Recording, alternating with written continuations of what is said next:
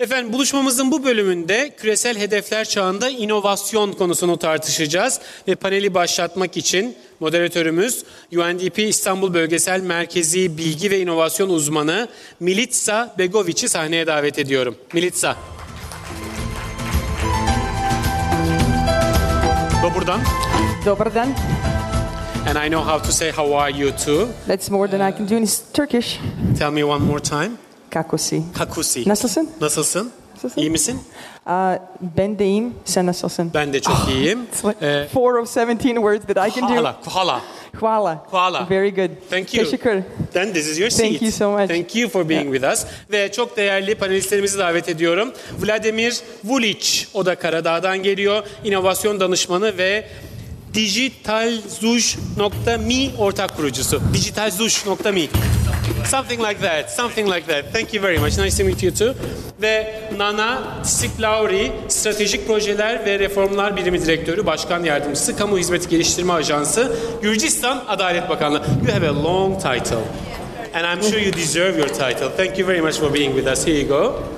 Ve çok değerli bir hanımefendi Belarus'tan geliyor. Shamika Samarashina. Is it correct? Or something like that?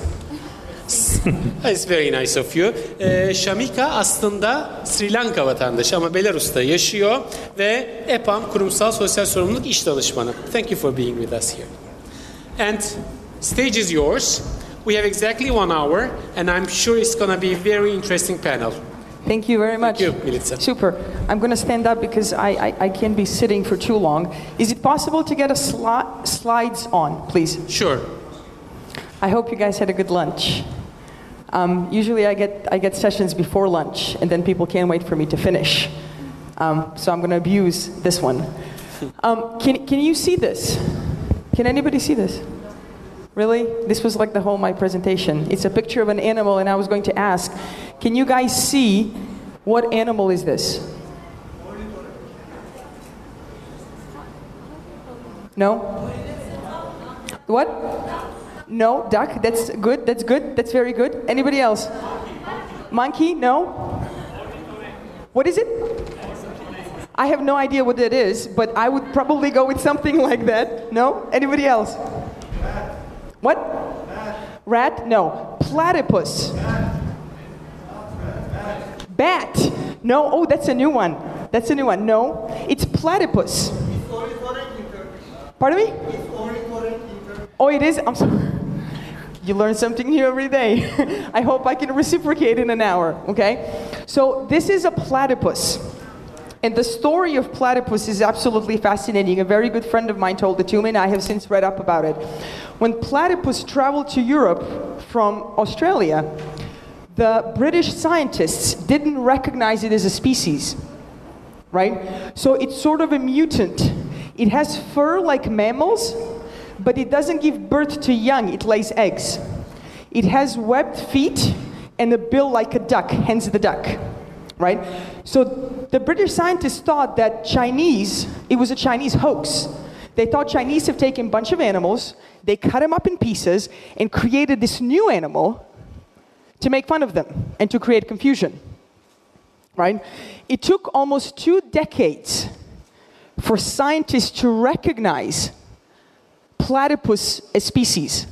And there was a zoologist at the British Museum of Natural History who even tried to take scissors and cut out the bill, thinking it's a duck. And today, if you go to the museum, you can actually see the marks of him trying to cut this out with scissors.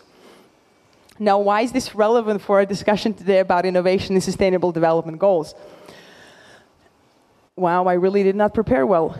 It says development superheroes. Today, we're seeing the emergence of new species when it comes to the sector of doing social good. We see the emergence of superheroes among policymakers, among citizens, among private sector, people who are doing things that are entirely disrupting the way that we know that policies are done, that social services are delivered, and, um, and the, that, that the development is being done. Internet disrupted media. Uber is disrupting transport. These guys here are disrupting the way that the development and governing um, is being done. These guys, the development superheroes, are designing video games to help farmers make better decisions about what type of fertilizers to use and how much to use them in order to increase their yield and reduce pollution. These superheroes are opening up years of procurement data on the local level and they're inviting the citizens to come in and help them identify corruption that they might have missed through the use of open data. These superheroes are designing platforms and apps that enable citizens who can help be connected to those who need help or who use the way people use mobile phones to be able to better determine what is the risk of an earthquake hitting Istanbul on Monday morning versus Saturday afternoon because they're able to track um, transport and movement patterns. These superheroes are crowdfunding for having energy, in, energy efficient and energy independent schools. So in UNDP, four years ago, we've made a conscious decision to set up an innovation unit whose sole job would be to try and be interesting enough that these superheroes would actually want to work with us. Because our assumption was that if we can identify them, if we can be, be interesting enough to work with them, we would have a better shot at achieving better development results. We would have a better shot of increasing income for people living in this region, for having better governance, for uh, more sustainably using our natural resources. And today, I am proud to launch, it's a sort of a mixtape of compilation of best hits and stories from those four years where we worked with development superheroes to achieve these objectives um, in our region. And Ariel, who just took a picture of me, um, is going to tweet the link to that report where you will be able to hear some of these stories. So, the panel today, what we wanted to do is bring some of those superheroes to Istanbul so you can hear directly from them why is it that they wanted to work with UNDP in the first place? They're superheroes. They don't mingle with, our, with us regular people. What type of things did they do in their own communities, in their own countries? And most importantly, why huge multinational organizations like UNDP should take notice and should invest in working with them. So, this is what we're going to do today. And since we are very gender imbalanced, as you see, we have a boy who is a minority here. Um, I'm not going to introduce them one by one uh, immediately. I'm going to let them tell you a little bit about their superhero deeds. And I think we should start with, uh, with the one who is in minority. So, Vanya, please, could you tell us what type of a superhero you are? And what is the one superhero deed that you're specifically proud of that you've done in your own community? Thanks, Mili. A poor old boy trying to explain what kind of a superhero he is. But first, when I was a really young boy, I dreamt about being a Batman, Spider Man, Superman, or whatever, but never ever in my life I dreamt that somebody will introduce me as a platypus man. Thanks for this also. No problem. Here to please. Uh, since we're on the topic of uh, superheroes, I just have one quick side note. Uh, superhero category is very, very heavily male dominated. so even when you have a superhero team, you only have like one female member of the team. If you have the Avengers, it's Black Widow, one. If you have Justice League, it's Wonder Woman, one. If you have Fantastic Four, it's Invisible Woman, one. And this is for the first time a superhero team which consists of one male and all other females. So please, guys, one big round of applause for my female superheroes right here.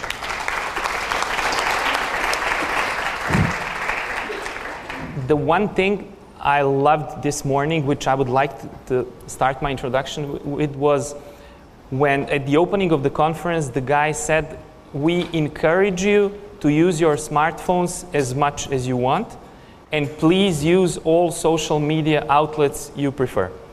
So this was like a big change for like four and a half years ago. The first time I was at the UN event, I was on my smartphone all the time, and at one point of time, I was even younger back then. So at one point of time, a guy like really seriously said, "Could you please put the smartphone down and listen to what we are saying for one single minute?" So it took us like four years to get to the point when you are encouraged from the other part to actively use your smartphones as a tool of communication. It isn't incidental that our innovation journey is four years old, I think. Well, uh, my NGO, Digitalizujme, is unofficially five years old and officially like four years old. But I will tell the origin story Yes. later on. Thank you very much. Let's hear. Um, we have Nano, who is a magician from Georgia, who has single, single-handedly set up an innovation policy lab within um, within Georgian government. Nano, maybe you can tell us a couple of couple of words about yourself. Thanks, Millie. Uh, so it's first time for me to introduce myself from as a superhero from superhero perspective. So thanks for that, Millie. uh, so I will uh, briefly introduce myself. Uh, my name is Nana, and I work for the Public Service Development Agency of the Ministry of Justice of Georgia. It's a semi-public entity. Uh, and our main mission is to improve the way services, public services, are designed and delivered. And we also help other government entities uh, to design better services. So um, uh, the, the main thing um, I would like to start my, uh, my conversation today is uh, about telling the story about the lab. So, and when I'm thinking uh, of the possible reasons why I can be called superhero, uh, is that um, it was actually a joint effort, of course, as it always is, and we actually did uh, manage to establish an in-house uh, service innovation lab in a very bureaucratic, large uh, organization in Georgian government. It's the Ministry of Justice. Um, uh, and you can imagine how uh, difficult it would be to uh, establish a, a, formal structure uh, dedicated to work on experimentation, on testing different services, prototyping, and this kind of work.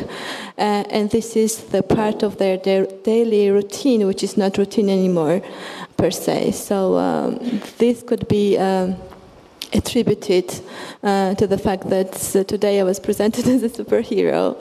Uh, it's a, very, a great privilege for me, of course. Um, and maybe I can tell later how this all happened and what's, how UNDP uh, contributed to this great achievement. Absolutely. Thank you so much. Um, so Shamilka works for a big software um, multinational organization, and over the last year and a half, um, she has helped target um, the skills and resources of that organization into helping our team in Belarus um, improve tourism, improve healthy lifestyles, and so on and so forth. So maybe a couple of things from your superhero port- portfolio that we can hear. Thank you, Millie. Um, yes, I work for um, the company's name is EPAM, and uh, I'm based in uh, Minsk, Belarus.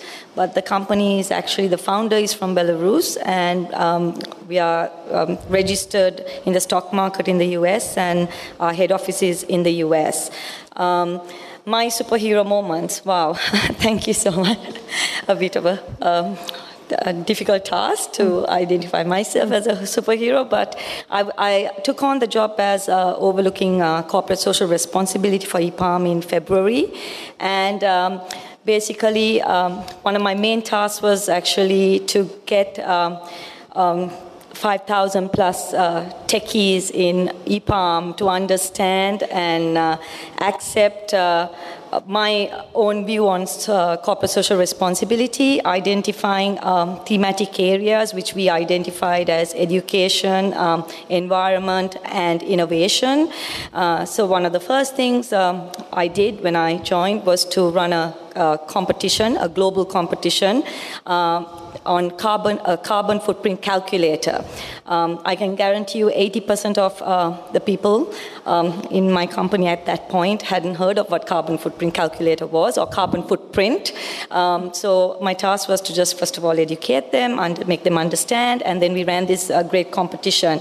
And um, the end result was um, we had um, people competing from hung- offices in Hungary, Moscow, Ukraine, and of course Belarus. And there was a lot of interest um, and making them really. Um, uh, understand and also build their own knowledge about carbon footprint and what the calculator would do um, in their own individual lives. And now we actually have a global uh, tool that is online and accessible to everybody around our officers in all 21 locations um, globally. So I think that is my superhero moment, actually. Very cool. Thank you very much.